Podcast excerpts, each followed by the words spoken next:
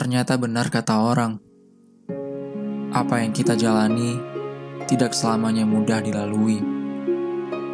Ada isyarat hati untuk bercerita, tapi hanya mampu berbisik lewat doa. Sadar atau tidak, kita ini telah berubah. Lintasan jarak yang sebatas angka dan putaran waktu yang berjalan pada porosnya telah merenggangkan kata kita. Dulu aku pernah berpikir, engkau adalah titik temu dalam kisahku yang semu.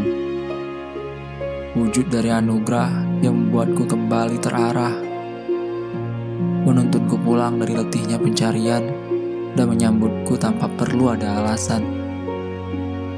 Lantas, apakah ego yang membuat kita lupa terhadap pertemuan yang menyatukan dan kebahagiaan yang pernah dirasakan? Kita hanya butuh untuk mengalah, bukan pasrah, apalagi menyerah. Kita hanya perlu menjaga dari kejauhan, bukan menghilang di tengah padatnya kesibukan. Karena kita punya tujuan di masa depan yang harus dipertahankan seberat apa pun keadaan. Dan teruntukmu yang mendengarkan, ku harap kau mengerti dengan perasaan.